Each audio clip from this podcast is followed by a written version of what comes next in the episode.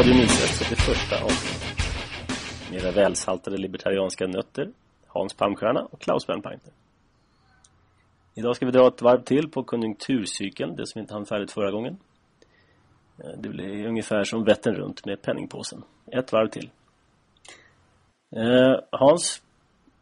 Ja? Är du vaken? Um, måttligt. Klockan är tidig hos dig?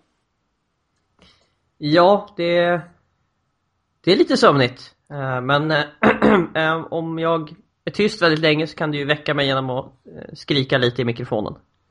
Det här är åtta timmars tidsskillnad eller något, så att det får bli vad det blir. Ja, vi kör på.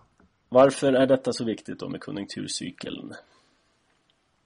Vad säger du? Ja, det är väl dels så förklarar det väldigt många andra fenomen och dels så eh, Eh, om man pratar, talar österrikisk ekonomi så är väl det kanske en av de viktigaste insikterna.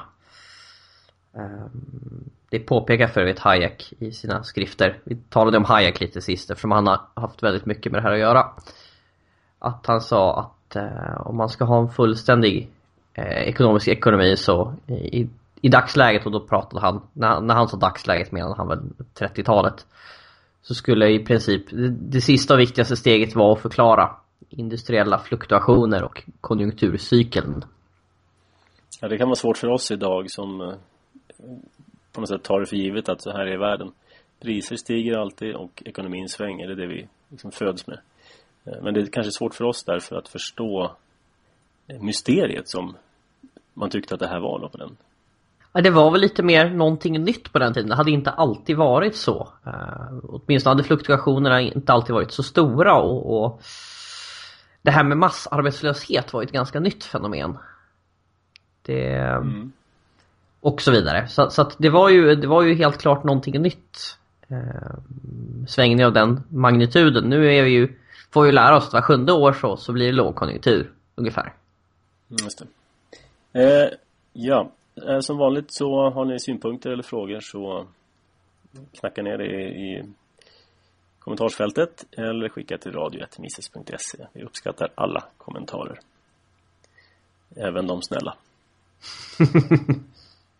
eh, ska vi ta en liten dumstrut? Vad händer i världen? Ja, lite händer ju i världen. Uh, vi har ju ett uh, Ebola-utbrott som alla tycks vara jätteförvånade över. Trots att det hänt förut, enda skillnaden nu är att eh, de har tappat kontrollen över det. Och eh, ja, ebola är en väldigt tråkig sjukdom som har, jag tror att den har i storleksordningen minst 50% dödlighet. Eh, problemet är att för att vårda människor för den här typen av sjukdomar kräver ju att man har en viss kontroll och att det finns en viss, vad ska vi säga, samhällelig förståelse för problematiken. Till exempel ska man inte slå ihjäl hjälparbetarna. Det, det, jag tror att det är en grund, grundtes för att hantera ett ebola-brott. Um, hett tips. Vad sa du? Det är ett mycket hett tips. Ja, slå inte ihjäl hjälparbetarna. Och, eh, men det har man tyvärr gjort på, på minst ett ställe. Nu är ju ebolan, det här utbrottet är spritt ganska brett över den afrikanska kon kontinenten. Och tyvärr så har man väl kanske inte riktigt kommit så långt som man förstår sig på de här sakerna på alla ställen i Afrika. Och det är ju inte konstigare än att, att jag menar, Afrika är, delar av det är hyfsat modernt och andra delar av det är hopplöst omodernt. Vad, eh, hur får man idén att slå ihjäl en hjälparbetare som hjälper en så att säga? Ja, jag antar att det, vad jag förstått så finns det teorier om att det är hjälparbetarna som sprider ebola. Att det är en ondskefull konspiration. De kommer utifrån och säger att de ska hjälpa till men i själva verket så sprider de ebola. Ehm, jag vet inte hur de får ihop det här. Varför någon skulle vilja sprida ebola i Afrika men ja, i vilket fall. det, det finns ju naturligtvis delar av världen där man inte där man inte liksom hur ska vi uttrycka det här på ett snällt sätt? Där man inte förstår bättre, ska vi nöja oss med det? Mm. Sen ska man komma ihåg att när Afrika utforskades under eh, kolonialismperioden så var Afrika var ju kontinenten av mystiska sjukdomar. Eh, där både ett och annat expeditionståg alla gick under i konstiga tropiska sjukdomar. Så att på det stora hela så har det ju snarast blivit bättre. Jag kan ju tänka mig hur många som, som dog i ebola-liknande sjukdomar för hundra år sedan. Ja, det verkar ju vara så att ju varmare det är desto mer mystiska sjukdomar trivs där på något sätt. Mm. Nåväl, frågan är i en resursbaserad ekonomi finns det ebola? det finns resursbaserad ebola som dyker upp precis när den behövs. Dat datorn i skyn räknar ut när befolkningen blivit för många och smyger in lite ebola i maten. Perfekt. Yes. Mm, ja. nästa. Vad har hänt mer? Ja, Skottland. Ja, Skottland. Ja, det var ju en tråkig historia. Ja, de röstade med inte så stor marginal nej till självständighet. Så det är ju frågan vad den här självständigheten hade inneburit. Det finns de som teoretiserar kring valfusk. Jag har inte sett några större nyhetsartiklar om det men det finns de som pekar Titta här, här sitter en tant och räknar fel. Och ja, alla val innehåller valfusk. Frågan är om det är relevant för resultatet är väl sådär. Mm. Men det intressanta var att yngre generationen röstade princip tre fjärdedelar för självständighet och den äldre generationen tre fjärdedelar emot. Ja, det är intressant. Det är hoppingivande faktiskt. Ja, på sitt sätt. Och så är det ju en ganska intressant reflektion över välfärdsstaten. De som är nära pensionsålder eller är pensionerade är mer oroliga för, för um, förändring och uh, förmågan att betala ut uh, välfärd naturligtvis. Mm. Sen ska man säga att nej, det förlåt, ja-sidan blir det väl, de som var för självständighet. En stor del av deras kampanj var, gick ut på att vi vill inte ha det här ondskefulla Torypartiet så, som vi aldrig röstat fram eftersom alla i Skottland röstar med sig Labour. Och vi vill ha mer välfärdspolitik. Om det är någonting Skottland drunknar under så är det just välfärdspolitik. Men... Ja, tyvärr så är argumenten klena. De skulle behöva ha lite mera vassa libertarianska argument. Jo. Och jag har sett jag har sett många som säger att det var väl tur att det inte blev så för Skottland hade gått under om de hade fått eh, sabba sin ekonomi själva. Nu är de i någon mån förhindrade. Och å ena sidan kan jag hålla med om att det ser ut som att det är så, men å andra sidan borde inte människor få ta ansvaret för sina egna beslut, så att säga. Alltså fördelen med en, en mindre ekonomi är att du får en snabbare återkoppling. Du kan inte låta det gå åt skogen. Du kan inte köra åt skogen hur länge som helst innan det börjar göra ont. Nej, just det. Det där med återkoppling. Du, du, har, ju, du, har, ju, du har ju bättre incitament för att sköta saker och ting. Så att, eh, när, när det är stort så kan man ju dölja misskötsel på mycket, under mycket längre tid. Precis. Och sen tror jag att om du nu skulle ha en, en, en nation där majoriteten av befolkningen vill testa eh, någon form av kommunism eller i mildare fall eh, rabiat socialdemokrati. Så det finns inget sätt att komma ifrån att det kommer inträffa och då är det väl lika bra att låta dem få vad de vill ha. Good and hard som, som någon sa. Mänken. Ja, precis. Mänken, ja. Denna mänken. Jag, jag tror att det bästa man kan göra är att låta folk få som de vill och se konsekvenserna av det. Jag tror inte någon mening med att försöka skyla konsekvenserna från folk. Jag tror att det är en integral del av problemet med välfärdsstaten. Att vi i så stor utsträckning försöker skyla över konsekvenser av människors beslut. Ja, smärta är ju ett språk som alla förstår. Så att, eh, det vore bra om ja, man lär sig av det. Ha, du som prenumererar på ETC, har något spännande där? Men ETC ska ju få statligt, eh, statligt pressstöd, visste du inte det? Nej. Nej, det blir en riktig tidning nu. Ja, en riktig tidning. Nu får du också betala för en Klaus. Ja, fantastiskt. Nej, vänta, du behöver inte betala för Alla andra måste betala för den. Alla andra som fortfarande har skorna på, på svensk jord, höll jag på att säga. Ja, dessvärre har jag några små företag i Sverige som bidrar, bidrar till ETC. men, men Klaus, du får inte göra med vinst med dina företag, då blir ETC arg på dig. Ja, nej, jag försöker alltid minimera vinsten. Ja, det är bra. Nej, eh, jag har bläddrat lite igen. Det var ganska torftigt den här gången. Det är ju så att alla nyheter på vänstern har handlat om Sverigedemokraterna dessa eviga Sverigedemokrater som vänster nu har hakat upp sig så mycket på så att ja, nej, det, det är väldigt tråkigt. Men eh, alla artiklar och debattartiklar och så dylikt handlar ju om hur kommer, sig, hur kommer det sig att folk röstar på SD och inte på vänstern? Och man har till slut kommit fram till att det kanske var en ganska dålig strategi att skrika rasist så fort man ser en SD-are, för det hjälpte tydligen inte. Nej, de har ju alla möjliga fantasifulla förklaringar till det här, men inte den rosa elefanten. Nej, det kan ju inte handla om det SD pratar om, utan det handlar ju om eh, bondläppar och utanförskap och Brist på värdegrund och skolan måste ta ansvar och sådär. Ja, i själva verket handlar det om att Sveriges befolkning vill ha en debatt om, om eh, migrationspolitiken. Eller åtminstone en väsentlig del av befolkningen vill det. Kanske inte majoritet, men... Och eh, notera att vi säger debatt. Jag har ingen aning om vad Sveriges befolkning överlag vill att vi ska göra med den, men de vill ha en debatt om det.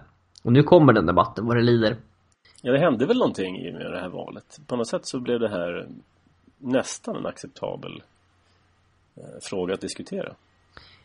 Ja, och det är ju intressant som du noterade i förra avsnittet. Man fick ju känslan att Fredrik Reinfeldt gav bort valet. Vad han också gjorde utan att tänka på det var att han öppnade upp Pandoras ask. Vilket han ville absolut inte ha en debatt om, om migrationspolitiken. Och samtidigt så går han ut och öppnar den med att säga att vi måste öppna våra hjärtan, eller hur det nu var. Så att, eh, ja, sen allt det här är ju politisk krafs och jag är ganska trött på det. Men, ja, det är väl något, finns väl något esoteriskt intresse i det här. Du eh, påminner mig om en berättelse. Jag läste lite ekonomisk historia en gång. Mm. Då var det så att eh, på 80-talet så kom ju det japanska produktionsundret igång. Mm. Och man producerade enligt den här Toyota-modellen. Det var kvalitet och det var bra pris och det var... Ja, hela världen togs med storm egentligen.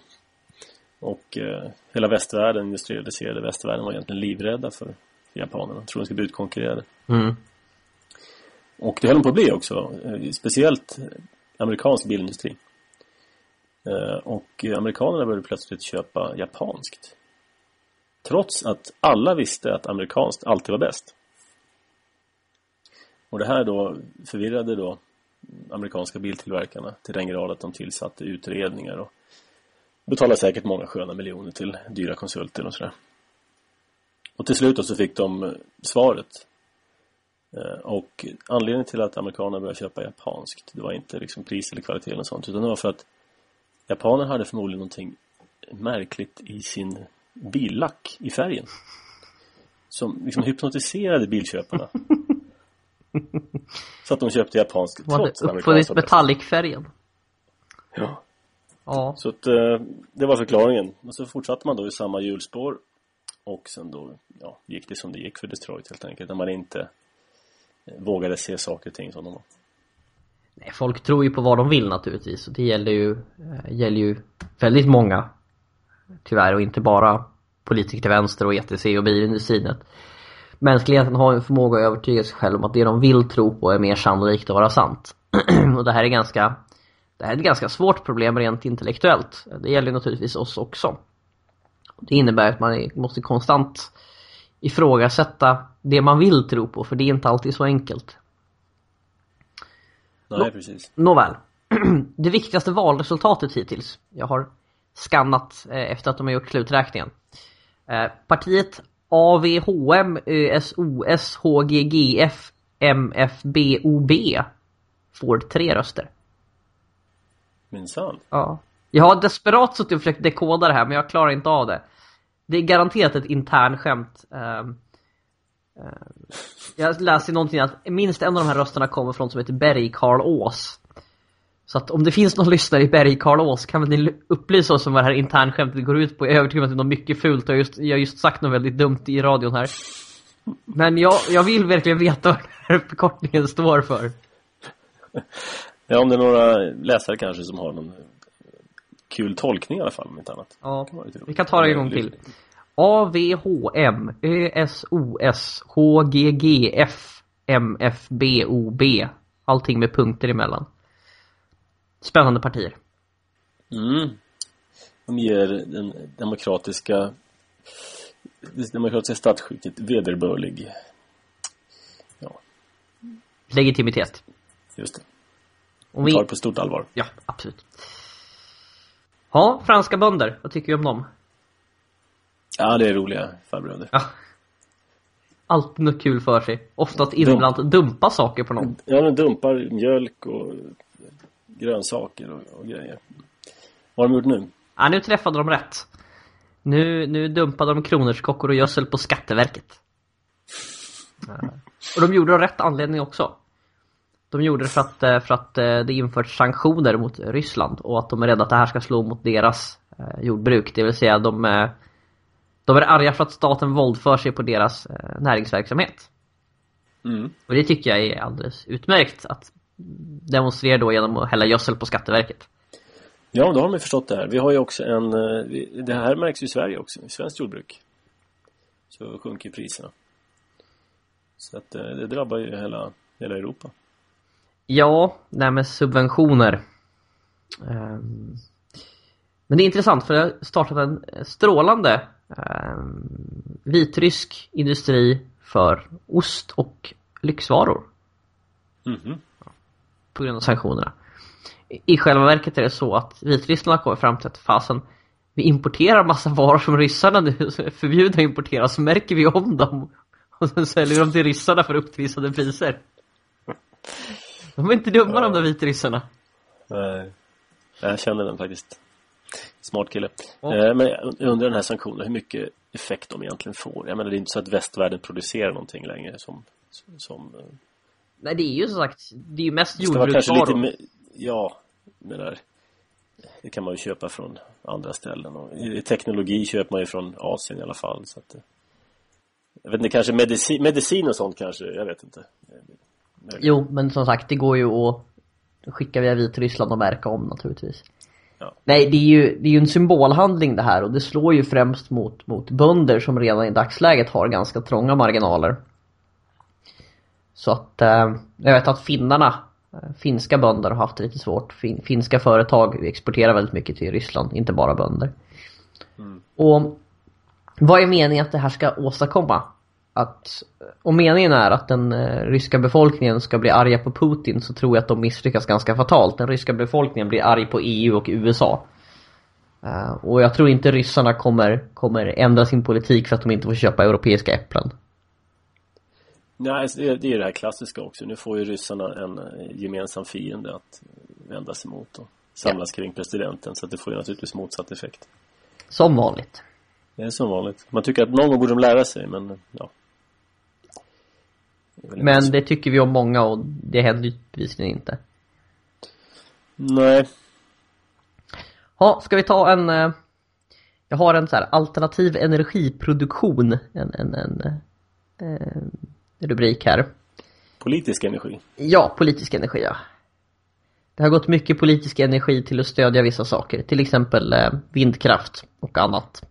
Som inte kan bära sina egna kostnader men då, får, då, då subventionerar man dem. Och det har ju byggts en del sådana här ganska avancerade vindkraftsparker och annat. Bland annat en, en ute i skärgården. Ja, det är en sån här offshore som det heter. Den står alltså ute i vattnet. Som heter Yttre Stengrund som ägs av Vattenfall. Det är bara ett problem med den här. Att det kostar så fruktansvärt mycket att byta ut de delar som, som slits.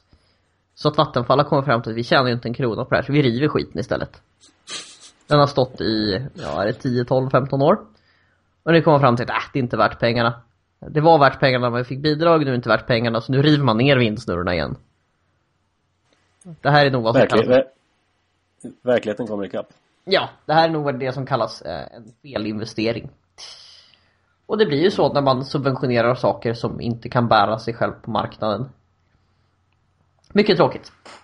Vet du vad några av de st största problemen med de här vindsnurrorna kostnadsmässigt det är eh, att transportera energin. För att de står ofta på oländiga ställen där det inte finns något elnät. Jaha, så behöver du kablar? Vara, precis, det brukar vara hiskliga summor som det där kostar som ofta underskattas i, i kalkylen. Och eh, jag var intresserad av ett gruvbolag förut uppe i Lappland som heter Lappland Gold Miners numera i konkurs, men i alla fall. De eh, låg också ute i obygden och eh, funderade på hur de skulle få ut el. Mm. Och då hade de den här lysande idén att vi bygger ett vindkraftverk. Eh, inte för att försörja oss med el, men därför att då subventionerar staten elkabeln ut dit. Så det skulle vara nettotransport av el ut dit, men... eh, Fantastiskt. Ja, det utnyttjar statlig policy. Fick de ett vindkraftverk? jag vet faktiskt inte hur det gick till slut. Eh, Men det var en lysande idé tycker jag. Ja, jo, varför inte? Ja, det är väl det där. Det går inte att dra ut en vanlig förlängningskabel utan det är väl en högspänningsledning man måste ha. Och högspänningsledningar i Sverige har ju byggts ut huvudsakligen efter kriget. Ehm, Och det är ju gigantiska projekt naturligtvis. Undrar hur man gör i andra länder. Det är ju det att Sverige är ju så långt och så, så mycket geografi, så, så, mycket yta på så lite befolkning. Mm. Det, det är väl därför det blir så knixigt, eller framförallt kostsamt att få ut kablar till alla. Ja, jag hörde förresten att, eh, jag vet inte om jag har inte kunnat verifiera det här, men det verkar som att priset på solpaneler, elpaneler av- för sol, har tydligen fallit ganska kraftigt i pris. Så det här börjar nästan bli ekonomiskt nu. Mm.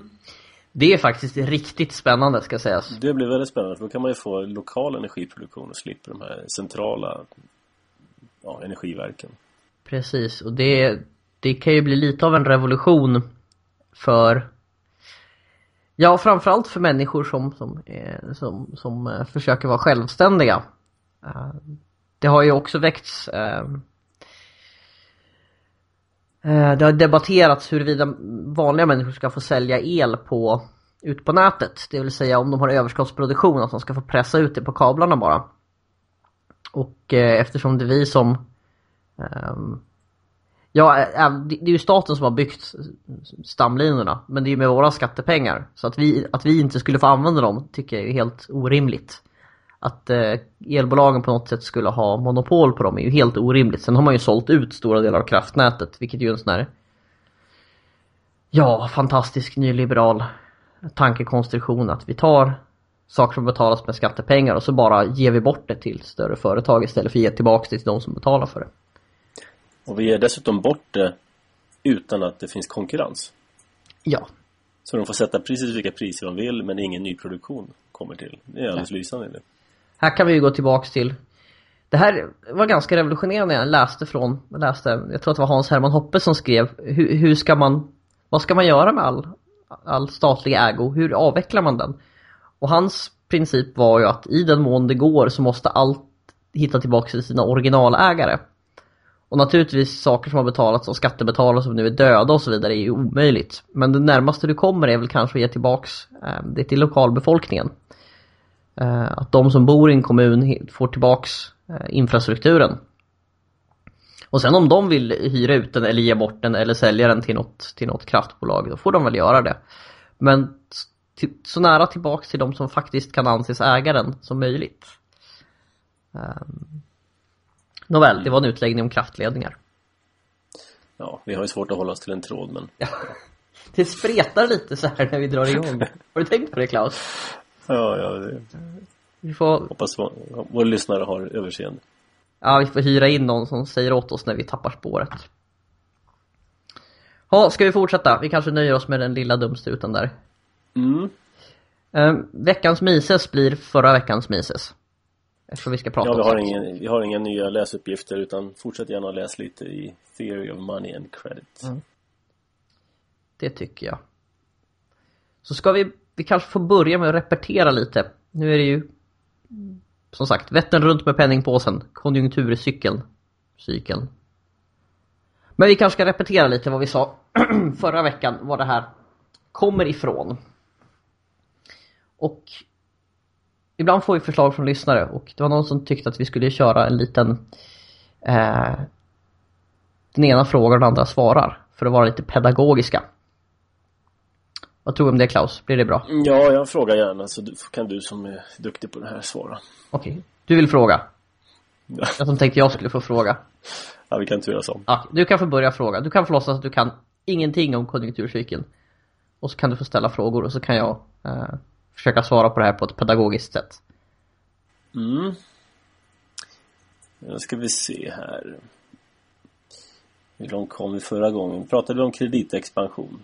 Ja, vi kom väl dit ungefär och förklarade att det leder till felinvesteringar. Och att det leder till en illusion om att det finns mer besparingar än det faktiskt gör. Vi eh, sa det att eh, när penningmängden ändras så eh, påverkar det räntan. Och eh, det här kan ske naturligt. Eh, Alltså räntan kan variera naturligt genom att människor till exempel sparar mer. Då sjunker räntan för det finns mera pengar att låna. Det finns mera resurser som inte har konsumerats upp. Eh, vi försöker tänka i termer av resurser. Eh, om, om människor sparar pengar så betyder det att de avstår att konsumera resurser. Och då kan de här resurserna köpas av de som lånar pengarna. Och de kan då investeras i olika typer av projekt. Industriprojekt och så vidare. Eh, och de här projekten då som byggs eh, Tanken är ju då att de ökar produktiviteten vilket innebär att man får ekonomisk tillväxt. Så att i den österrikiska modellen så styrs inte ekonomisk tillväxt av konsumtion Eh, utan av sparande. Och det här är ju väldigt annorlunda mot den, säga, den, ja, den, den populära synen för där gäller det att stimulera konsumtion Tanken är att om man stimulerar människor att konsumera så kommer företagen märka att oj hoppsan, här vill folk ha. Då är det bäst att jag ökar min produktion och att då, finns, då är det värt att investera. Vi, vi kan, jag, jag, kan, jag kan ställa frågor ändå. Här kommer en fråga, en vanlig invändning. Om alla sparar samtidigt, då, då dör vi väl? Ja, det, det är ju en vanlig invändning. Alla kan inte spara samtidigt för då stannar ekonomin. Men då, då glömmer man bort det att eh, för det första kan man inte spara allt hela tiden. Du kommer alltid behöva äta och klä dig och bo någonstans. Men bortsett från det så att det finns ju två resurser kan gå till två typer av saker. Antingen kan de ätas upp, konsumeras eller så kan de investeras. Investeringar kräver ju också produktion och att människor arbetar och sysselsätter sig. Så att om alla sparar samtidigt mycket Då betyder det bara att fler människor sysslar med produktion av kapitalvaror, alltså kapital, maskiner och sådana saker. Eh, och, och, människor konsumerar lite mindre. Men det betyder inte att ekonomin står still, det är bara att den dirigeras om lite mer till att bygga kapital. Om någon säger att människor sparar, hur vet de vilken ränta de ska kräva på pengarna? Eh, ja, hur vet man vilken ränta man ska kräva på pengar? Det är ju, det är ju en eh, marknad, det finns ju en lånemarknad. I en fri ekonomi finns det en, en lånemarknad. Och precis samma sak om jag producerar potatis. Hur vet jag vilket pris jag ska kräva på potatis? Ja, alltså det finns ett marknadspris. Eh, antingen gillar jag marknadspriset och säljer min potatis. Tycker att det är värt det. Eller så gillar jag inte marknadspriset, då, då säljer jag inte min potatis. Då gör jag någonting annat istället. Samma sak är det med sparande. Om, om marknadsräntan är intressant för mig, tillräckligt hög, ja då sparar jag. Är den inte det så gör jag inte det. Då konsumerar jag istället. Mm. Vi tar det, en till vanlig. Det, det, sköt, det sköter sig liksom automatiskt. Mm. En annan fråga som ofta dyker upp. Säg att vi har en fungerande ekonomi och den växer. Måste vi inte trycka ut mer pengar då för att den ska fortsätta växa? Måste vi inte ha mer pengar om ekonomin växer? Ja, folk säger ju det. Att om, om ekonomin växer så måste vi ha mer pengar. Eh, och då ställer man sig frågan, varför? Ja, säger, säger folk då kanske som tänker ett steg längre. Ja, om vi inte ha, trycker upp mer pengar som motsvarar ekonomins tillväxt så kommer ju priserna sjunka. Eftersom man liksom, populärt uttryckt samma mängd pengar jagar en större mängd varor. Eh, ja, säger man då. Och vad är problemet med att priserna sjunker? Ja, men då slut, skjuter vi upp våra inköp av bilar och eh, kylskåp och så blir det lågkonjunktur. Ja, och då kan man ju fråga sig varför inte folk köper upp eller skjuter upp sina inköp av elektronikvaror som ständigt rasar i pris. Varför köper man ändå den senaste modellen eller näst senaste modellen. Trots att vi vet att den blir både bättre och billigare imorgon. Ja, det här motbevisas ju av alla som äger en iPhone. Ja. För att ni hade kunnat vänta. Nyligen kom iPhone 6 men ni skulle nödvändigtvis köpa en iPhone 1, 2, 3, 4, 5 innan. Ni visste att det skulle komma nya iPhones som var mycket bättre. Varför väntade ni inte? Priset blev ju billigare dessutom. Mm, Det var ju deflation i iPhones. exakt. Ganska talande exempel tycker jag.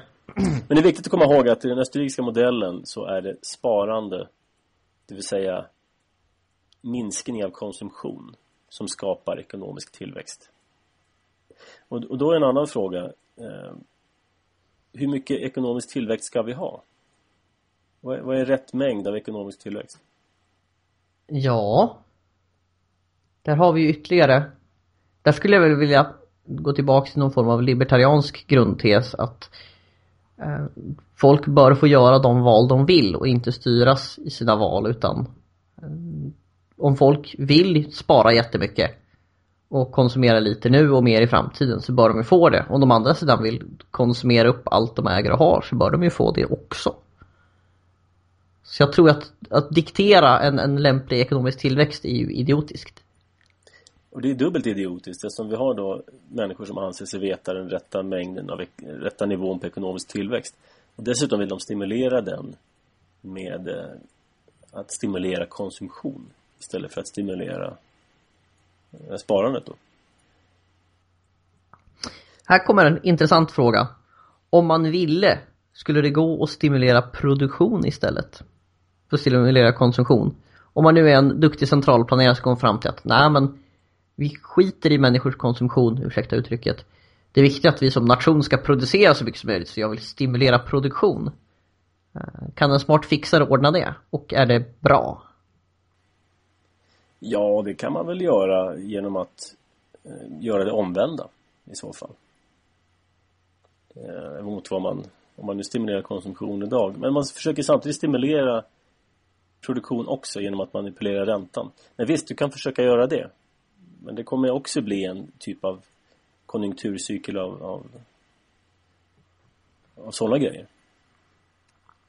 Ja. Jag kommer fram till om man tänker igenom det helt. Vi ska tänka igenom det helt. Som sagt, en av de vanligaste sakerna genom historien är ju det där med att ge extra förmånliga lån till statligt utvalda företag. Det är en gammal favorit. Oavsett om det är för att bygga vindsnurror eller för någonting annat. Så är det poppis.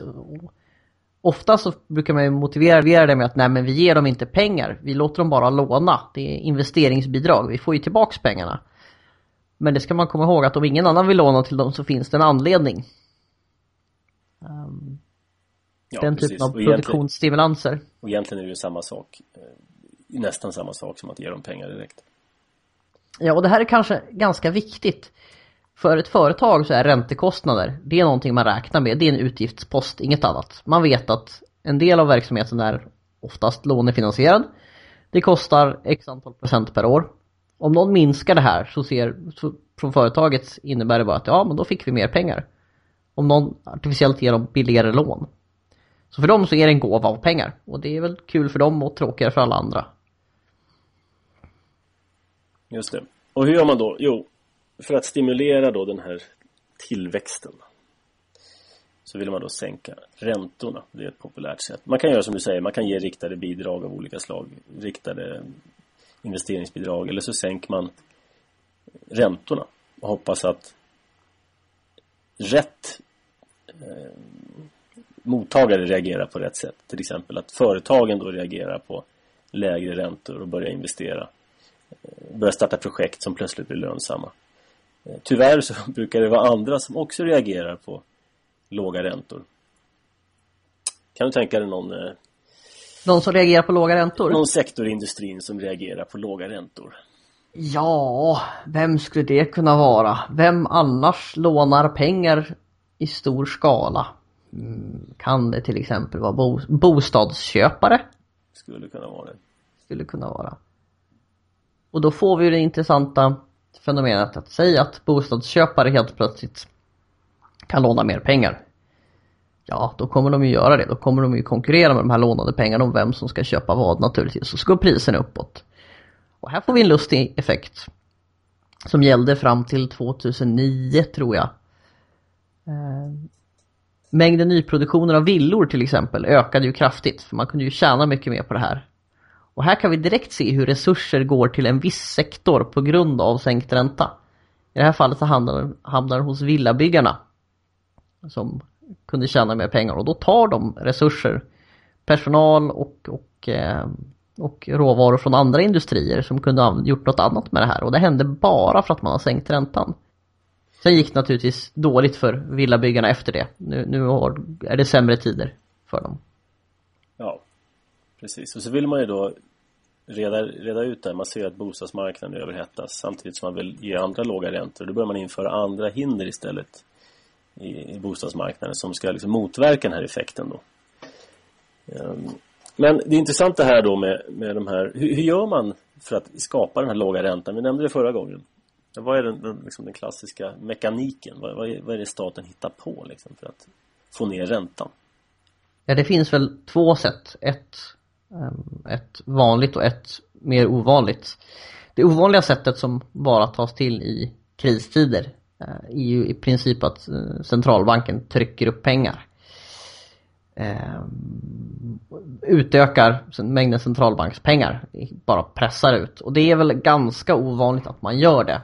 Det gör man bara om man känner sig tvungen. Ett mycket enklare sätt är ju att, eh, är ju att ehm, ge sig ut på, på lånemarknaden, oftast statsobligationsmarknaden. Och där är ju rörelsen alltid på marginalen så att med relativt små volymer eh, köp och sälj så kan man pressa räntan ganska mycket. Um, så att, eh, och det är lite svårt att veta hur man ska klassificera olika saker. Eh, quantitative easing som det heter. Eh, som ju USA genomför bred skala och ja, många andra. Då köper man ju upp stora mängder statsobligationer för att försöka permanent pressa räntan neråt. Man minskar tillgången på de här statspapperna. Sen kommer ju staten naturligtvis öka tillgången på dem genom att utnyttja läget och låna mer. Och då pressar man alltså räntan neråt. Det är ofta så att statspappersräntan, eh, obligationsräntan på, på, på statsobligationer brukar vara det som de andra räntorna följer just för att det är en väldigt stor marknad. Och de räknas som riskfria tills eh, Grekland inträffar. Den svarta svanen kommer simmande. Men, men man kan ju sammanfatta det med att man sänker räntan genom att trycka ut pengar i någon form.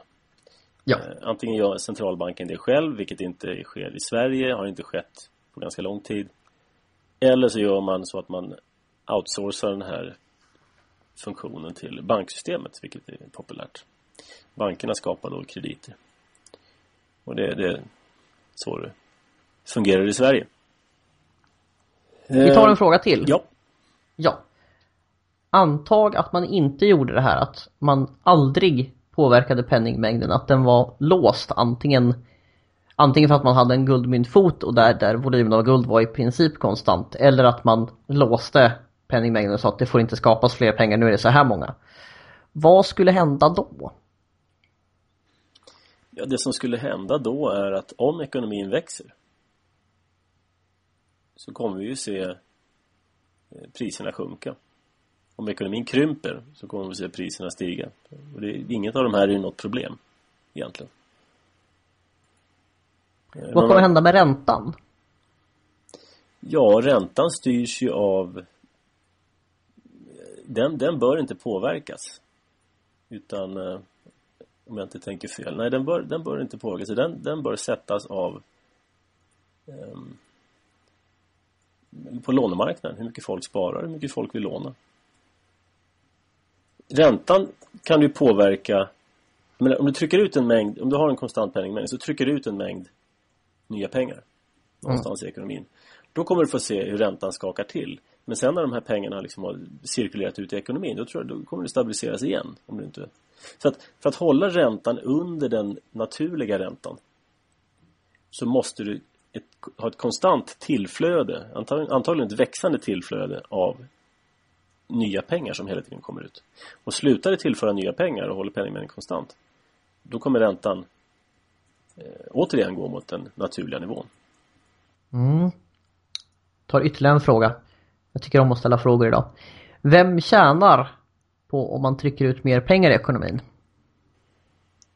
Ja, det här är ju, pengarna kommer ju inte ut liksom uniformt. Det är inte så att alla vaknar upp med liksom, pojken med guldbyxorna får lika mycket nästa morgon eller i proportion till hur mycket man har på banken. Utan pengarna sprutar ju ut någonstans i ekonomin. Och det läcker är, någonstans. Ja, alltså det, i en ekonomi då som, som den svenska där, där penningproduktionsfunktionen är outsourcad till banksystemet så är ju eh, de som står bankerna närmast, de som, som lånar bankerna som får de här pengarna. Och här har vi nämnt då vissa eh, ja, vissa industrier, byggindustrin, eh, spekulanter ofta i aktier och andra typer av finansiella tillgångar. Vi har sett börsen nu till exempel som har nått fina höjder och bostadsmarknaden är fortfarande på hög nivå. Man kan aldrig förutsäga egentligen var de här pengarna kommer strömma ut. Det, det är inte så lätt att förutsäga men eh, någonstans kommer de ut. Och beroende på hur ekonomin är konfigurerad. Och då är det så att de som tar emot pengarna först Ja, de kan ju... Alltså med tiden så kommer prisnivån i ekonomin höjas. Eh, men de som tar emot pengarna först, de kan ju handla då till gamla priser. Och eh, de trycker upp priserna. När pengarna strömmar ut då från den som har sålt, byggt och sålt ett hus. Han kan köpa en ny bil. Trycker upp priserna på bilar. Bilförsäljaren kan köpa nya kläder, trycker upp priserna på kläder. Och så vidare och så vidare. Och den som då nås av pengarna sist ja, han kommer ju få börja köpa varor till högre priser utan att ha fått någon glädje av de här nya pengarna ännu. Så man får en omfördelning på det här sättet av, av resurser i ekonomin från de som tar emot pengarna sist till de som tar emot pengarna först. Och eh, ofta är det då de som redan har som får mer och de som inte har som får som får betala. Änkor och faderlösa. Ja, det... Ibland så tar ju folk upp fördelningspolitiska aspekter på det här.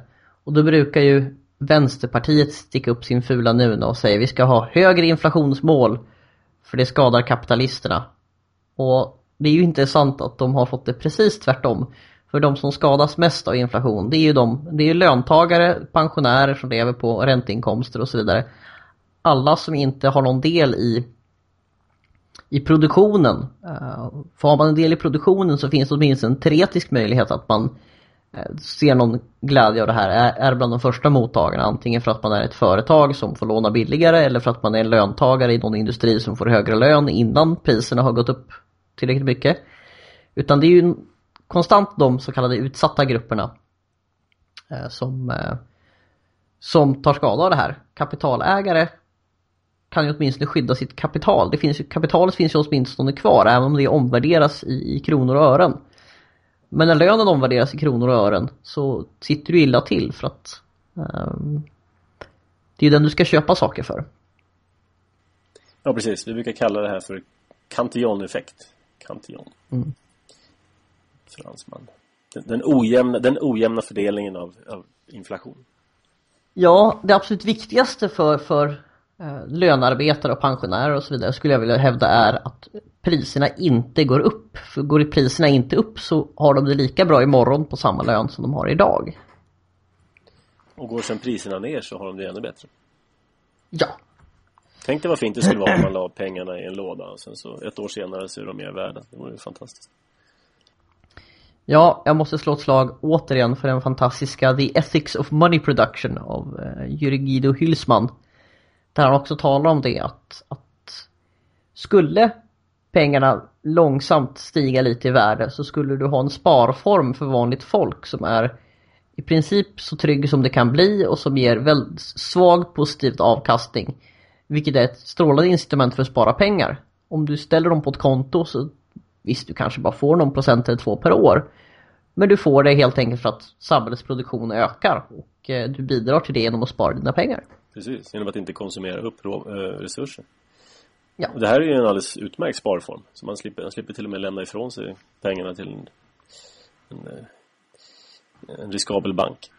Ja, så att värt att fundera på innan man argumenterar för att inflation är bra för, för uh, de som inte äger kapital. Det är inte riktigt så. Jag, jag minns när jag började fundera i de här banorna. Så det började faktiskt med, med just den här tanken på vad, vad, är inflation egentligen? Och varför är det så fantastiskt bra? Jag försökte förstå det här. Um, och då gick jag då in på Riksbanken. De, de kan ju sina grejer. Gick in och läste lite grann på deras sida och så förklarar de att ja, vi har ett inflationsmål på 2% Ja, tänkte jag, det har jag hört talas om dem, men varför 2% Ja, och då var förklaringen den att eh, det ska vara tillräckligt lågt för att ingen ska bry sig. Eh, och det ska vara tillräckligt högt för att undvika mätfel. Det här fattar jag ingenting om. För det första, och, då var slutsatsen att 2% är det rätta talet då. Därför att 2% inflation, det betyder att halveringstiden, din, halveringstiden för dina pengar är 30 år. Och för den som sparat sin pension så är det en ganska... Ja, det är inte försumbart om vi säger så. Nej. Den som sparat sin pension, han bryr sig. Om det är 2% inflation. Och sen den andra då, att det ska tillräckligt högt för att undvika mätfel. Tydligen så är det lättare att mäta 2 än 0. Enligt Riksbankens sätt att se på saker och ting. En 2 är lättare att mäta än en nolla. Men där har vi den berömda historien om skoprisindexet också. Riksbanken har ju lagt ut mätningar av inflation på, jag tror att det är Statistiska centralbyrån. Och Statistiska centralbyrån rekommenderas egentligen för att de har väldigt mycket statistik om saker som man kan visa på väldigt mycket konstigheter. Men ibland gör de fel. Och eh, deras berömda mätfel av inflationen för att de räknade fel på vad skor kostade. Och det, det här är ju ganska skrattretande. De försöker alltså mäta vad en genomsnittlig sko kostar. Har det ökat eller minskat sedan förra månaden? Ja, jag vet inte hur. Och jag bara undrar, hur sitter de och jämför de här skorna? Vad är en eh, representabel sko? Jag kan tänka mig det här samtalet. De ringer upp någon stor skohandlare och säger Hej, eh, vad är priset på er mediansko? Eh, och vilken är er mediansko? Eh, ni måste säga till om, er, om ni byter mediansko för då måste vi justera om indexet. Alltså det är så mycket och, hokus pokus med det här. Ja, det, går, det här går ju inte att mäta. Visst, det finns jämförbara varor. En liter mjölk är allt som oftast en liter mjölk. Men det sker, med de absolut flesta varor så sker det förändringar över tid. Ja. Och vad går att säga? Om, alla, om det fanns en sko folk köpte då kunde vi ta dem ett skopris. Men det gör ju inte det. Det finns en miljon olika skor. Och det, det är lite illusionen om man hade en tillräckligt stor dator som är bakom det här. Um, det finns mycket kritik mot koncept som den generella prisnivån för den säger ingenting. Det, det är ett evigt jämförande av äpplen och päron. Och sen är man noga med att förklara, nej men om det finns naturliga orsaker eh, som att, som att ja, äppelskörden är dålig, då, då bör man egentligen justera äpp, snitt, genomsnittliga äppelpriset för det här är ju inte, det finns ju inte en monetär faktor bakom. Eh, vad i princip erkänner då att eh, vi kan inte spåra den här störningen till oss, alltså ska den inte ingå i inflationssiffrorna. Det. Nej, det är så mycket hokus det... pokus med det. Jag vet att amerikanerna räknar in i sina konsumentprisindex uh, massa hokus pokus faktorer. Till exempel så blir datorerna snabbare var 18 månad eller vad det är för någonting, dubblar i kapacitet. Och då lägger man in det som en faktor liksom, att datorerna ökar i värde fast priset går ner på något märkligt sätt. Så att, ja. Och det här sitter sen då välutbildade, smarta människor i finansmarknaden och handlar på då, som om det vore liksom, på riktigt. Ja, och det som är talande är att man aldrig inkluderar priserna på aktier eller priserna på hus. Nej, då missar man inflationen. Ja, man vill ju bara se inflation av konsumentpriser. Man vill ju inte se när man har råkat ställa till med så man inflaterar priserna på kapitalvaror. Det är lätt att bli konspiratorisk. Ja, när man hör det här. Det är ju det. Nåväl, jag tänkte vi skulle gå igenom några lite mer Nu har vi försökt vara hyfsat tydliga. Det finns ju några mer invecklade koncept i det här med konjunkturcykel. Framförallt, nu tar jag framförallt från Hayek. som jag tänkte vi skulle försöka. Får jag bara ställa en fråga till dig då? Först. Mm. Varför är de så måna om att hela tiden öka tillväxten så att de måste trycka ner räntan och trycka pengar? Varför är det så viktigt att den här tillväxten ska vara så där hög? Ja, från statens sida rör det väl sig om att de behöver tillväxt i mängden skatteintäkter för att fortsätta driva sina projekt. De eh, behöver tillväxt i beskattningsbar inkomst, skulle jag hävda. Jag tror också att det är någonting sånt. Jag menar det, och så kanske man vill jämföra sig med de andra pojkarna i EU och, och så vidare. G8, G7 och G25 och allt vad de heter. Eh, men det, men det är skatteintäkter. Jag menar det, det är ju aldrig någon som mäter tillväxt i ledig tid, tid med familjen, tillväxten i månskenspromenader och sådär. Nej, och där, jag kan förstå en del av de här på den politiska vänstern som säger att BNP är ett värdelöst mått, vi måste ha ett bättre mått på välstånd. Men vad de inte förstår är att välstånd är subjektivt så du kan inte få ett mått på det generella välståndet. Du kan få ett mått på möjligtvis en människas välstånd enklast genom att fråga personen hur tycker du att ditt liv är? Är det behagligt? Så att... Ähm... Ja precis, För, ja. förutom att det är omöjligt att räkna på sådana här mått på något liksom, meningsfullt vetenskapligt sätt så är ju liksom hela, hela frågan är ju tokig eftersom det är subjektivt som du säger. Så det är dubbel galenskap. Ja, precis. Nåväl. Nåväl. Låt oss säga att någon smart överherre kommer fram till att nu ska vi, nu ska vi ägna oss åt lite kreditexpansion för det är bra. Det, det, det det ökar BNP och det gör det bättre för alla. Vi ska skapa tillväxt här. Och kreditexpansion och då, är alltså när bankerna hjälper till att skapa pengar genom att skapa Ja, kredit. lånar ut. Mm. Eh, bygger lånepyramiden högre så att säga. Det ges ut fler lån. Då händer ju saker i produktionsstrukturen. Det vanligaste, nu utgår vi lite från det klassiska scenariot att eh, företag får, tar upp mer lån på ett eller annat sätt. Eh, företag nås av pengarna och då ska ta beslut när det blir billigare att låna och vad de ska göra med de här pengarna och hur de ska investera. Och då händer det ju saker inuti den så kallade produktionsstrukturen. För att företagen måste ju ta ett beslut om vilken verksamhet ska vi utöka? Vad ska vi lägga pengarna på? Och Hayek definierade eh, en teori där han talar om produktionsstadier. Du har tidigare, tidiga stadier som i, princip innebär råvaruförädling och så vidare. Och sen har du stadier emellan som betyder att man bygger komponenter och så vidare.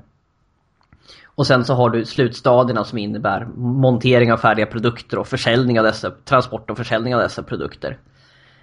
Och det här gjorde han för att försöka förklara en viktig, Eh, en viktig poäng, nämligen att om man sänker räntan och ökar penningmängden så kommer inte de här pengarna hamna i homogent över produktionsstadierna heller. Precis som att om de inte hamnar homogent hos befolkningen så hamnar de inte homogent hos företagen heller utan vissa, de kommer hamna på vissa ställen först. Och det här ger vissa intressanta effekter. Det handlar helt enkelt om, om du är ett företag så blir det billigare att låna, vad gör du då? Då funderar du på, vad kan jag bäst göra med de här pengarna? Vad är vad, vart ökar lönsamheten mest?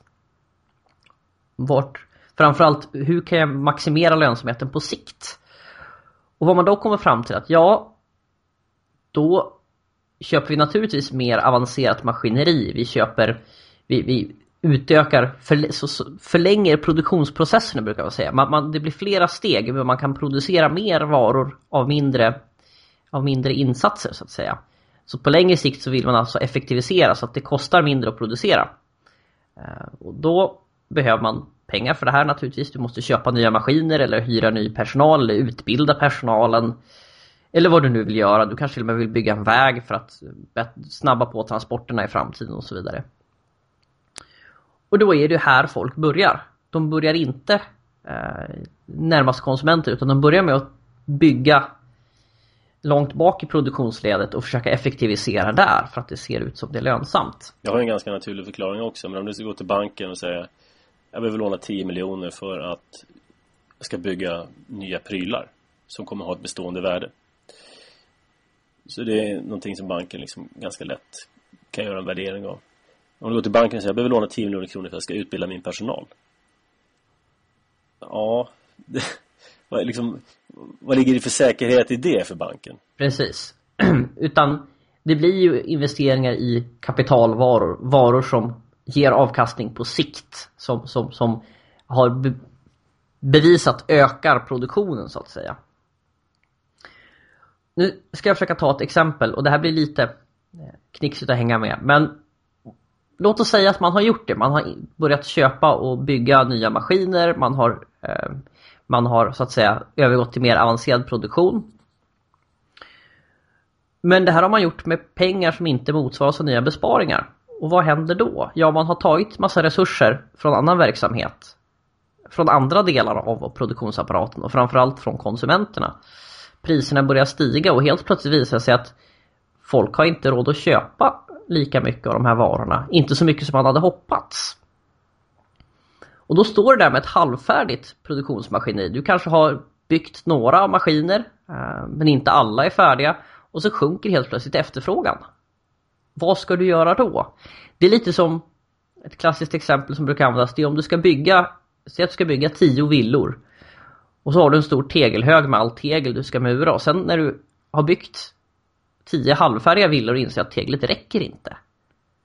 Då är ju frågan vad ska du göra i det här läget? Och det som händer då är att naturligtvis att du måste riva en av villorna eller ett par av villorna så att du har nog med tegel och göra färdigt de andra så att du åtminstone får åtta villor istället för tio. Och likadant i, i, om, du tänk, om man tänker vad gäller produktion. Som du inser att vi har gjort, skapat ett fantastiskt produktionsmaskineri halvfärdigt och vi kommer inte behöva hela. Vad gör vi? Ja, då måste man montera ner det, bitar av det. Vilket i princip innebär att man lägger ner vissa avdelningar på företag. Man eh, stoppar vissa investeringar som naturligtvis är tråkigt för att då får man ingen avkastning på dem. Men för att man ska kunna slutföra några av dem.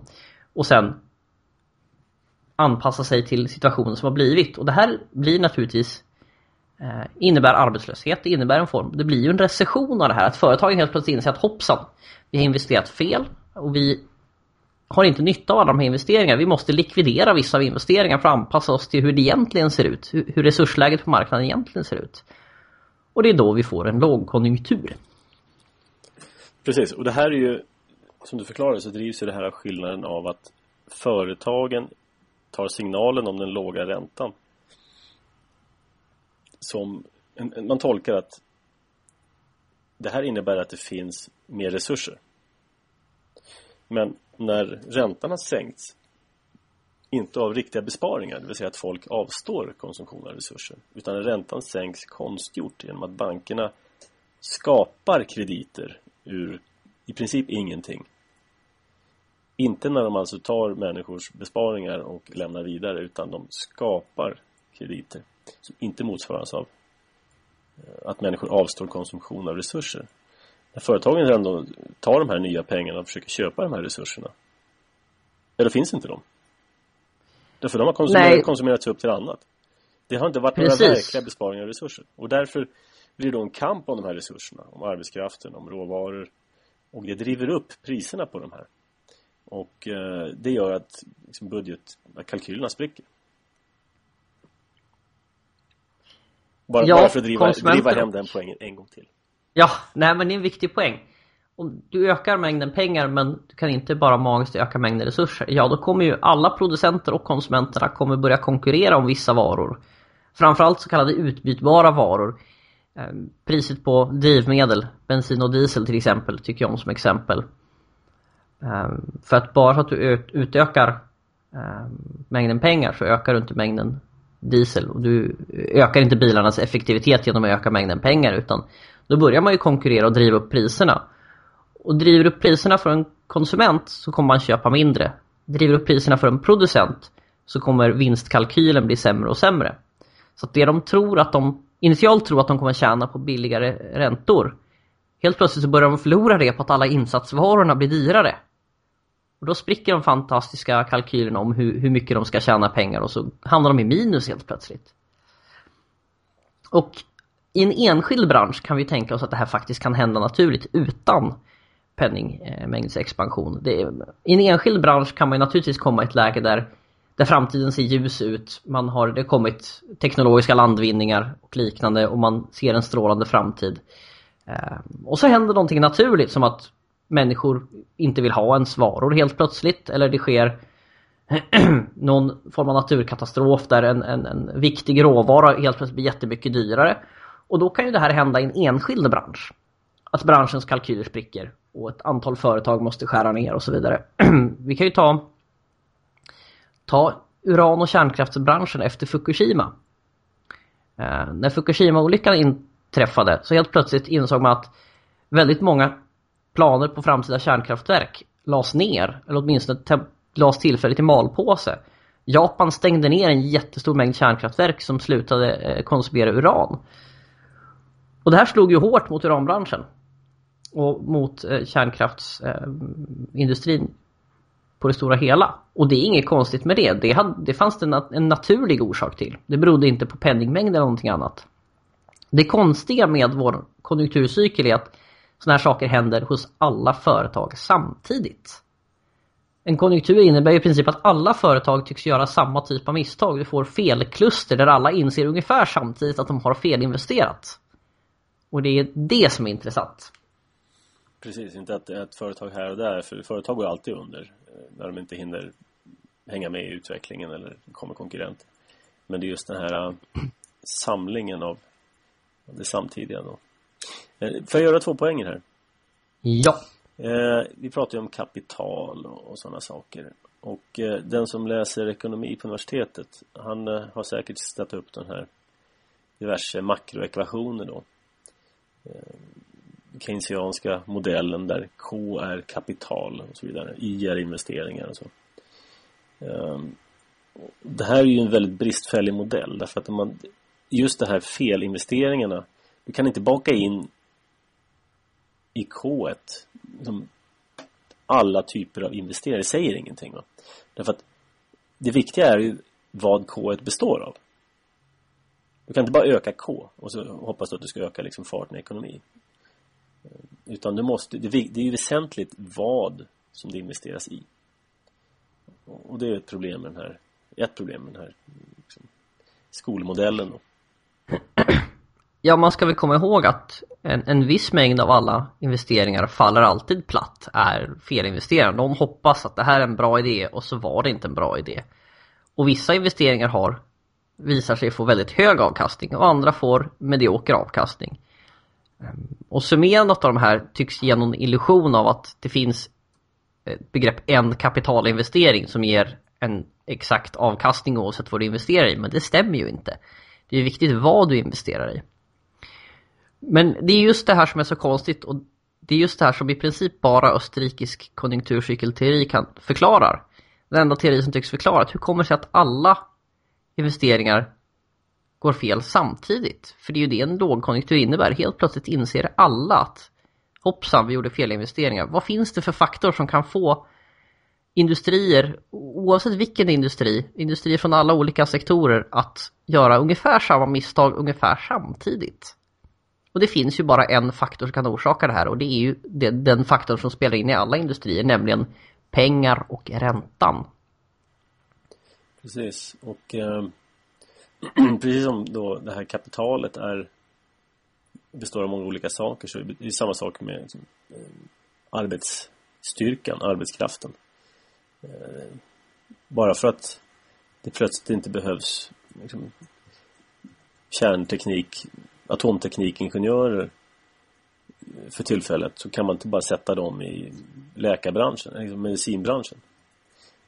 Arbetskraften är inte heller homogen, kapital är inte heller homogent utan det är väsentligt vad den består av. Den andra poängen jag skulle göra är att eh, Friedman har ju en modell för konjunkturcykler som i princip går ut på att det finns en tillväxt i ekonomin. Jaha, och, och den... Och, och så plötsligt och den ska man försöka hålla på hög nivå då. Men plötsligt, men ibland så Tänk dig en, en sträng liksom som är sträng, äh, eh, vet du, spänd och pekar lite uppåt så här. Men ibland så händer det att ekonomin brakar ihop. Av någon anledning. Eh, och sen gäller det att få tillbaka så, så liksom den här strängen trycks ner lite grann. Men sen gäller det att få tillbaka ekonomin igen, igen upp då till den naturliga tillväxttakten. Tills det återigen brakar ihop och det här går ner och så får man trycka upp den igen till den naturliga tillväxtnivån. Den österrikiska modellen är egentligen tvärtom. Det finns en naturlig tillväxt i ekonomin som styrs av besparings och investeringsvilja. Ja. Eh, och vad som händer sen är att man får en uppgång ovanför den naturliga nivån genom att det här manipuleras eh, via ja, penningpolitik. Alltså man trycker pengar och sänker räntan. Och sen kraschar det. Och sen kommer vi tillbaka till den naturliga nivån och sen så trycker man upp den igen. Så att den, den, är omvänd, den här österrikiska ekonomin, den är, teorin, den är liksom omvänd på det sättet. Ja, österrikisk ekonomi hävdar ju att eh, högkonjunkturen är problemet och lågkonjunkturen är den oundvikliga konsekvensen och det som på sikt löser det. Eh, Medan traditionell teori säger att högkonjunktur är fantastiskt, det ska vi ha hela tiden. Men så är det de här tråkiga lågkonjunkturerna. Sen kan jag ha ett problem med en teori som säger av någon anledning så kraschar ekonomin om man inte kan specificera varför det här händer så har man inte riktigt en teori. Och den traditionella teorin kan ju inte riktigt säga det. Det är mer att nej men var sjunde år så, så slutar folk konsumera kylskåp och nya bilar. Ja och eh, Keynes och många efterföljare av olika varianter av honom pratar ju om de här animal spirits, de här djurandarna som plötsligt blir som en rädd skock rådjur och så blir man plötsligt ovillig att konsumera och investera. Plötsligt så drabbar det här alla då som någon slags ebolavirus eller någonting sånt. ja, nej, ibland börjar den där Keynes måste varit en riktigt stirrig rackare. Ehm, um, vid första, första tecken på att någonting är fel så springer man och gömmer sig under sängen, slutar investera och, och, och drar täcket över huvudet och hoppas på bättre tider. Det är lite så han tycks ha visualiserat uh, både konsumenter och producenter. Alltså det är ju ingen vetenskaplig förklaring. Nej, det är inte en förklaring alls tycker jag. Nej. Har någon observerat det här beteendet? Ja, det han observerar är en effekt. Att under lågkonjunktur så handlar människor mindre och företag drar ner på långsiktiga investeringar. Men han tycks ju tro att det är det som är orsaken till, till eh, lågkonjunktur. I själva verket så är det det som är lågkonjunktur. Det är konsekvensen av tidigare beteenden.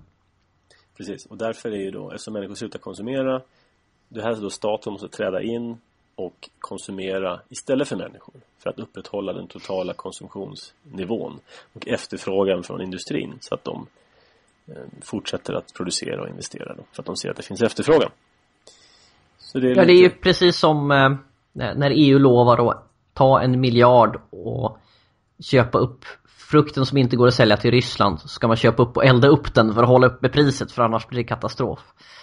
Eh, det är ju lösningen att okej, okay, vi öser pengar på problemet för att försöka behålla status quo och sen så eldar vi upp lite mat eller någonting för att inte, för att inte förstöra prisbilden.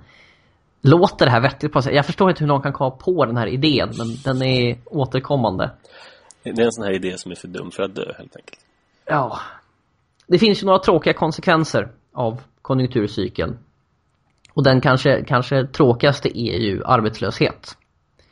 Eh, om företag måste likvidera investeringar och ändra på produktionssätt så självklart så kommer de vara tvungna att säga upp personal. Och eh, då uppstår ju det här som kallas massarbetslöshet, att väldigt många människor sägs upp samtidigt. Det är ju också ganska unikt för den industrialiserade ekonomin att eh, helt plötsligt kan efterfrågan på arbetskraft minska så radikalt. Och det har ju inte nödvändigtvis då med en industrialiserad ekonomi utan en monetariserade bankekonomin att göra egentligen. Precis. Det, det, det, har ju det har inte att göra med att vi är industrialiserade utan det har att göra med att i och med industrialiseringen så började ju de här fluktuationerna i och med bankväsendet. Um, när man hade en huvudsaklig jordbruksekonomi så skedde ju var ju förändringen ganska små. Det fanns inte så mycket att monetarisera. Mm, konstigt ord. I vilket fall, det fanns inte så mycket till konjunkturcykel. Även om det fanns ett par intressanta vi ska ta upp på slutet här. Och eh, ska vi också säga det, det har inte egentligen med banksystemet Det har inte egentligen att göra med banker utan det har att göra med att vi har centralbanker. För eh, jag tror, ja. jag tror vi förklarade det förra gången, utan centralbanker så är det inte möjligt med en sån här storskalig eh, penningmängd manipulation. Nej och om man, om man, ser, om man tänker sig en bank som bara agerar rent naturligt så vill ju den maximera vinsten eh, även på lång sikt. Den vill ju inte maximera vinst nu och sen gå i konkurs imorgon utan den försöker ju tänka, den vill ju ha tillbaks, få tillbaka betalt sina långa lån också.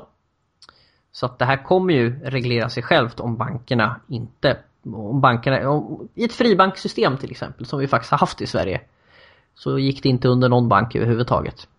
Utan då reglerar det sig själv för att då, då tar de riskerna själva och kommer inte ge ut den typ av lån som de nu eh, ges incitament till att ge ut av Riksbanken då.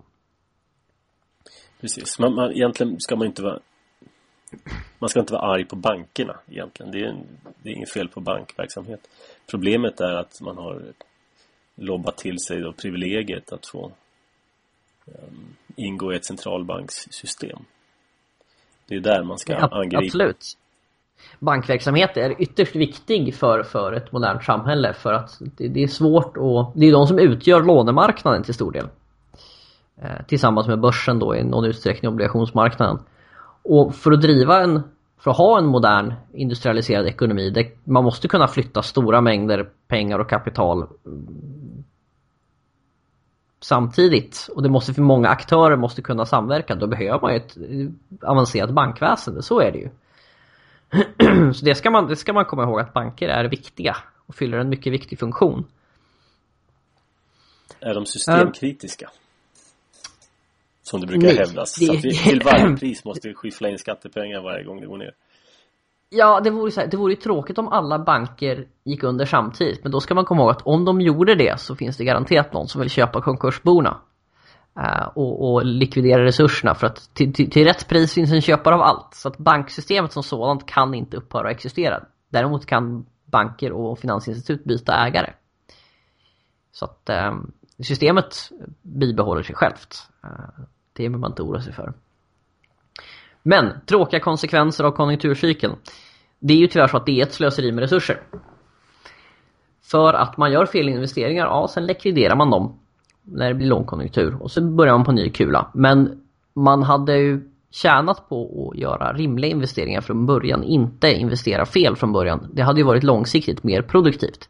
Så det finns ett resurssvinn varje gång som man gör det här.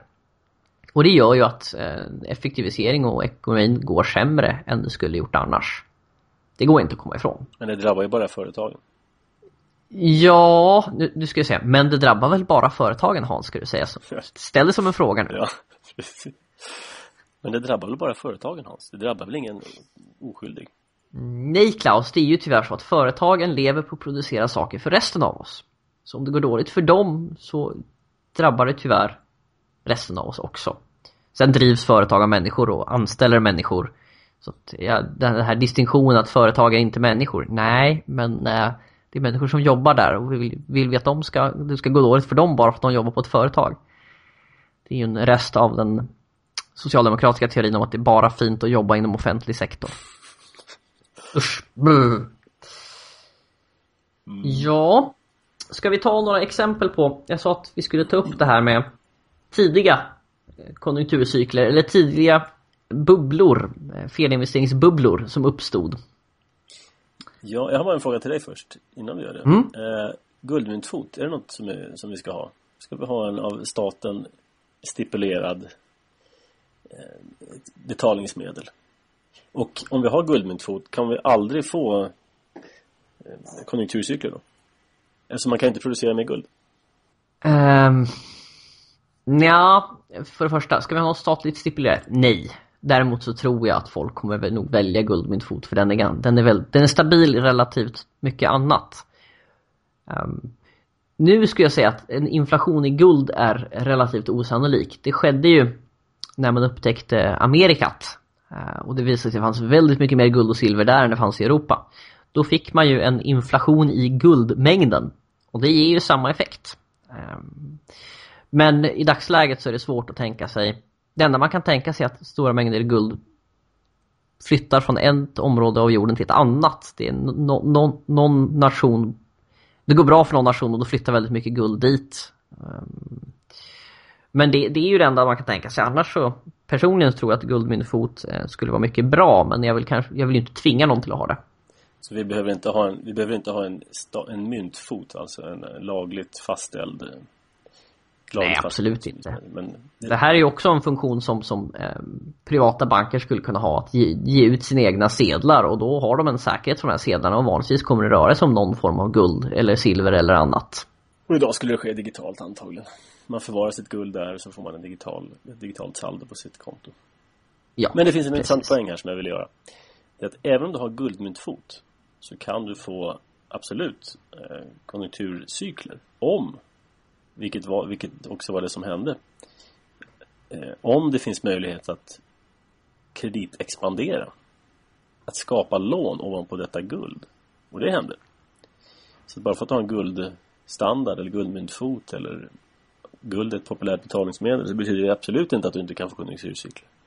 Har du en centralbank som är guldbaserad, vilket man då hade i västvärlden så eh, kan du absolut skapa krediter pyramidform ovanpå guld och få cyklerna.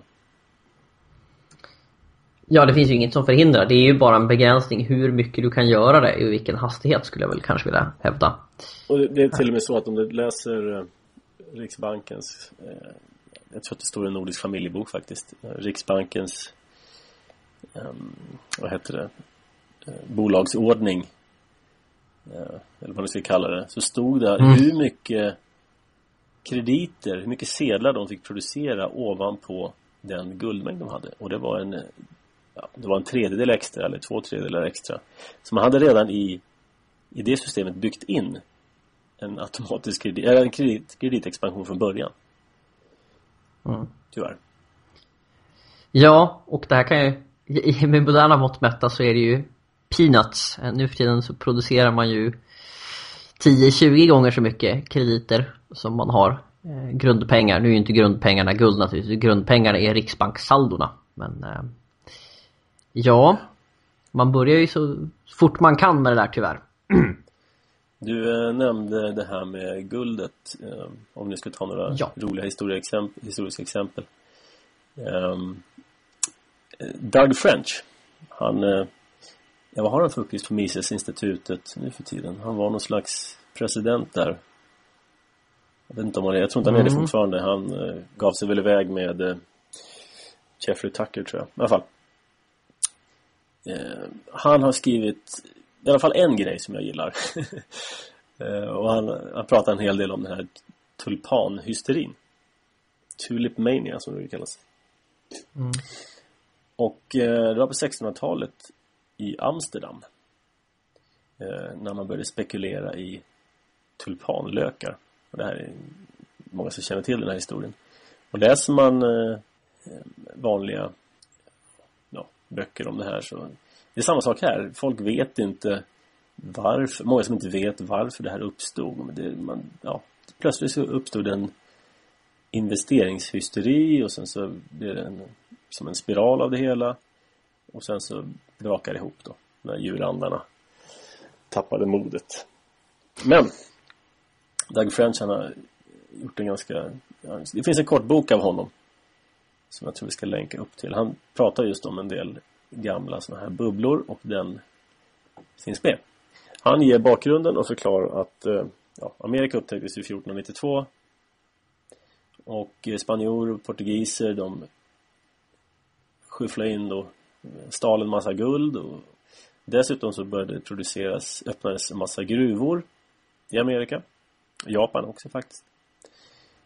Så att det strömmade in en del ädelmetaller till Europa. Samtidigt så rådde i Europa då eh, myntning, det var kungligt privilegium i de flesta länder. Och eh, de här mynten späddes ju ut av, av kungen naturligtvis eh, för att de skulle få mer, alltså myntförsämring och inflation den vägen. Kungen tog in nio mynt, spädde ut dem med lite basmetaller och stämplade om dem och skickade ut dem igen. Tio stycken. Ta in nio, skicka ut tio. Eh, och det här gjorde att mynten blev sämre och sämre. Och samtidigt upprätthöll man ju det här värdet på mynten och sa att det är det påstämplade värdet som gäller, inte metallvikten. Gjorde att det var i princip omöjligt att trycka ut pengar, mynt av hög kvalitet. Därför att vad gör du om du har två stycken mynt eh, med samma påstämplade värde. Men ett har mycket sämre metallinnehåll. Ja, då, då behåller du det goda myntet och du ser till att handla först med det dåliga. Det är det här som kallas Greshams law, eller hur? Ja. Greshams lag. Exakt. Eh, Dåliga pengar driver bort bra pengar. Exakt, och det gör de man måste säga det, för att det här ska ske då så krävs det att man har man upprätthåller ett, eh, ett, ja, ett falskt värde på myntet som inte motsvarar dess metallinnehåll. Då, då händer det här. Så att, men vad som hände var i, i Holland då så hade man eh, en revolution på 1600 1500-talet. Och eh, en av de saker som revolutionär, revolutionärerna införde det var fri myntning. Så att man började då tillåta vem som helst att mynta. Lämna in ädelmetall och få utstämplat i mynt. Och dessutom så skapades år 1609 The Bank of Amsterdam.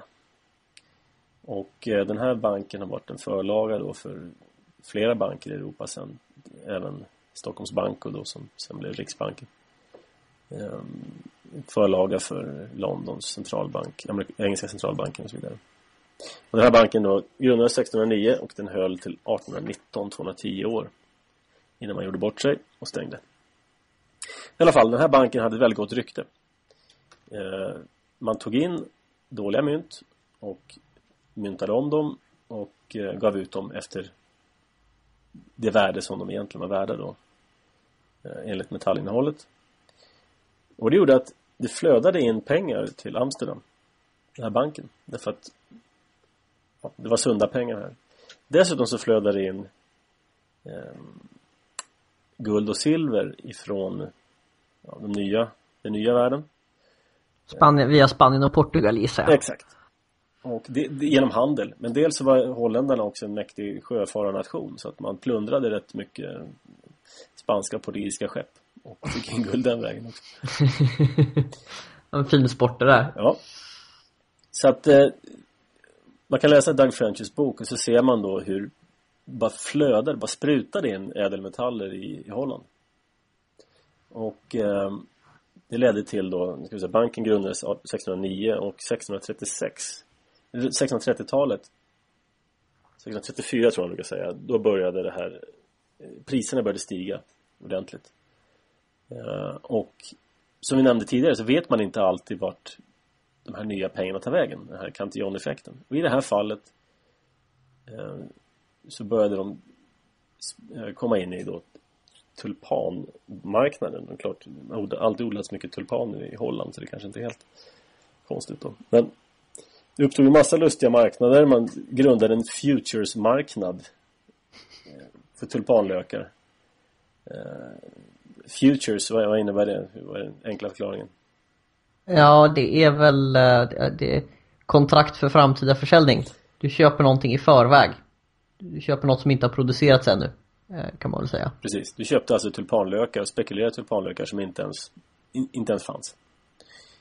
Eh, och sen då 1637, ett år senare efter man hade grundat den här futuresmarknaden så, så exploderade hela den här tulpanbubblan. Då. Så att det finns en eh, monetär förklaring. Eh, inte av den vanliga anledningen att staten har varit in och manipulerat penningmängden eller banksystemet. Ehm, utan i det här fallet nästan tvärtom faktiskt, lustigt nog. Ehm, för att man skötte sig så bra i den holländska banken, Bank of Amsterdam. Sen kan man naturligtvis tycka att den här plundringen av metaller från Amerika var en statlig affärsverksamhet men Ja, det var kanske inte så lyckligt. Ehm, utan eh, Ja, det naturliga. Hade man gjort det rätt så hade man ju ägnat sig åt byteshandel och bytt varor mot guld. Ehm, och då hade man fått någon form av flöde av ädelmetaller från Sydamerika till Europa, men kanske inte samma samma radikala förändring som ju skapade en del problem på den tidens penningmarknad. Man hittade också en del nya silvergruvor och Eh, man utvecklade gruvtekniken så man kan utvinna mycket mera silver. Så att det var också teknologiska landvinningar som låg bakom den här ädelmetallinflationen. Ja, och det ska man ju komma ihåg att folk som argumenterar för guld som pengar gör det inte för att guld är perfekt. För det finns inga perfekta pengar. Man gör det för att det är relativt svårt att öka mängden guld eh, på någon plats. Just för att man, det mesta är redan uppgrävt. Det är till skillnad från papperspengar där man kan ändra volymen hur, hur som helst. Så att, men guld är inte perfekt som pengar. Det är bara det bästa vi har hittat hittills. Eh, och det gör det relativt svårt för politiska Eh, den politiska makten att eh, hålla på och manipulera penningmängden. Det sägs att havsvatten är den största eh, säga, den största resursen, alltså som innehåller mest guld. Så den dag eh, någon lär sig utvinna guld ur havsvatten då kanske inte ens guld duger som pengar. Nej, nej det är klart. Har du tillräckligt mycket energi så kan du ju utvinna det. Um, det är precis, har du tillräckligt mycket energi så kan du väl omskapa andra ämnen, grundämnen till guld. Det är bara att det kostar så fruktansvärt mycket så att det, det är inte värt det. Men då får vi hitta något annat. Då blir det väl ja, Vi får väl ta några av de här grundämnena som knappt går att hitta. Um, så visst kan det bli så. Men i dagsläget tror jag att guld har fördelen också att det, det har varit pengar av tradition och fortfarande i större delen av världen så fyller den en, en, en särskild roll. Det, det, det, det är ett särskilt värde som tillskrivs guld av historiska skäl och det gör att det, det, det är, så länge det gäller så har det en unik plats bland, bland eh, konkurrenterna för att räknas som pengar. Kinesiska centralbanken köper ju rätt mycket guld har jag hört också nu för tiden. Ja, ryska också. Just det. Det är ju förminska sitt beroende av de amerikanska papperspengarna. Egentligen är det ju jag skulle inte bli glad om centralbanken började, eller Riksbanken skulle börja köpa guld. Det, inte om det inte är pengarna utbytbara, jag tror vi nämnde det här förut. Så länge jag inte kan växla in mina sedlar mot hårdvaluta så är jag inte intresserad av att Riksbanken ska köpa något guld. Nej, precis. Det, det är ju att de bara ska sitta på massa guldreserver, det, då kan man väl lika gärna vara glad att de sitter på reserver av vad som helst. Det, det, jag litar inte på Riksbanken som garant av penningvärdet om vi säger så. Nej, jag menar guld, guldet som de äger idag det är ju bara en spekulativ tillgång. Det har ingen, har ingen funktion. Absolut. Eh, det fanns ju flera bubblor jag bara kan nämna. Och eh, en som svenska lyssnare är intressant är ju naturligtvis eh, Stockholms Banco. Grundades 1656 av Johan, Johan Palmstruck. Just det, och det var en Var det en, vad heter det, insättningsbank från början? Ja, ehm, det var Eller var det en lånebank? Det var både och faktiskt. De fick oktroj, alltså banktillstånd för, för båda. Ja, ja, det var lite svårt att få tillstånd för den här bankverksamheten. Det här var ju på den tiden man skulle ha statens tillstånd för att tillverka skor. Sälja salt. Alltså, ja. Så givetvis krävdes det tillstånd för att öppna en bank.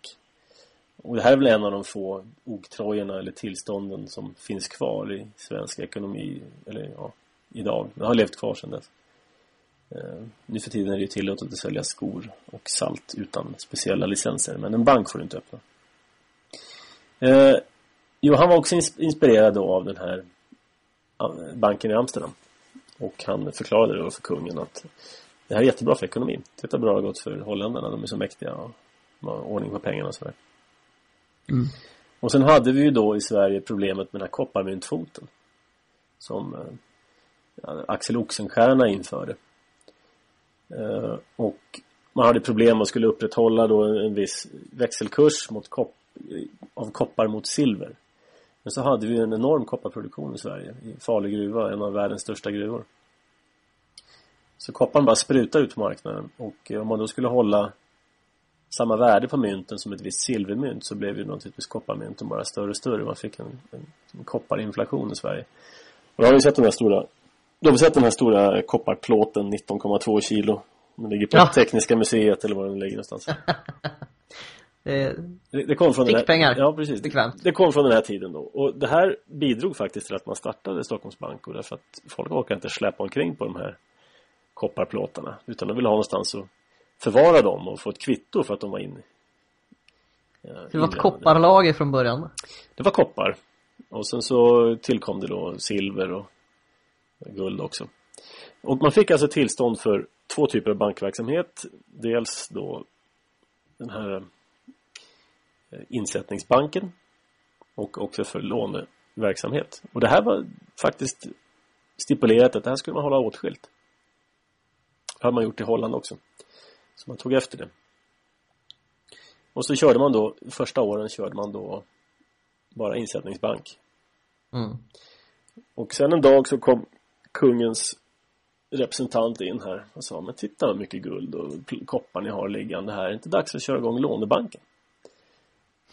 Eh, det säga man, man bryter då mot, mot det här och du får inte låna ut medel som ligger i en depositionsbank för då, då sätt, du får inte använda dem som lån för då, då sätter du igång en kreditexpansion.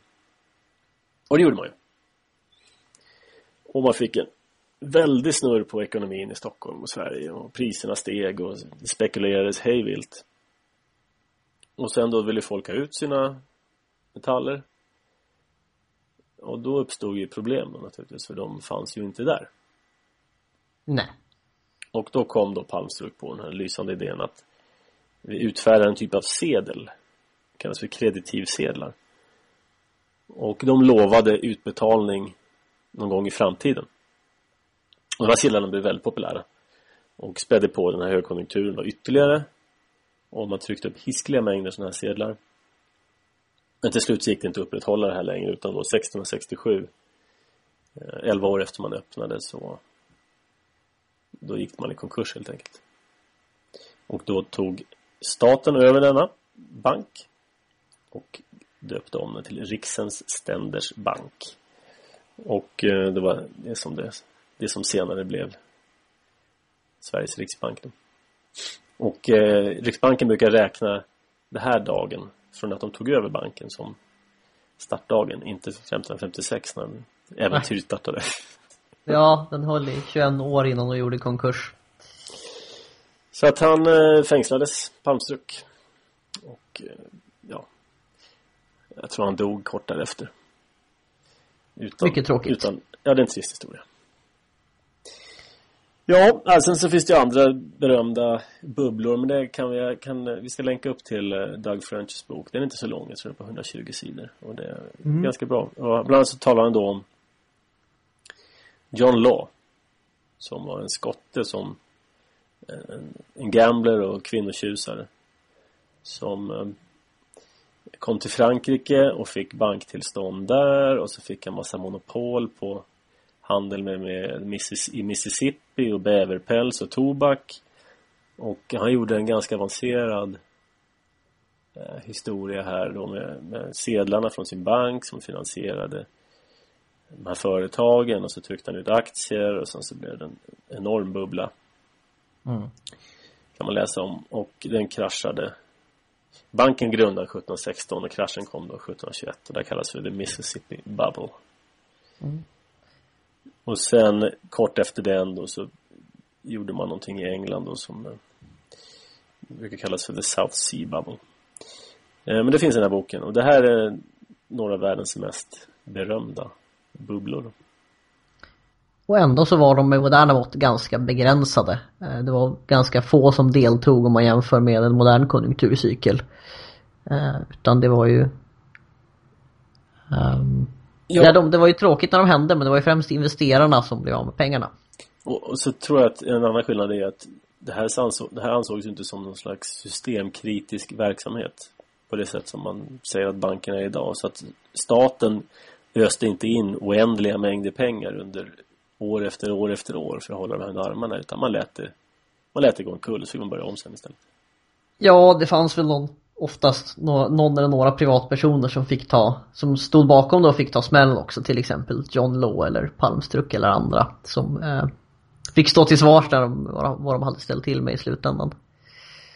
Så att John Law blev, blev han avrättad? Hur var det här? Uh, ja, hur var det nu med John Law? Nej, jag tror inte han blev det faktiskt. Ja, vi kan lämna det till lyssnarna annars. Vi lämnar det som en övning till läsaren. Ja.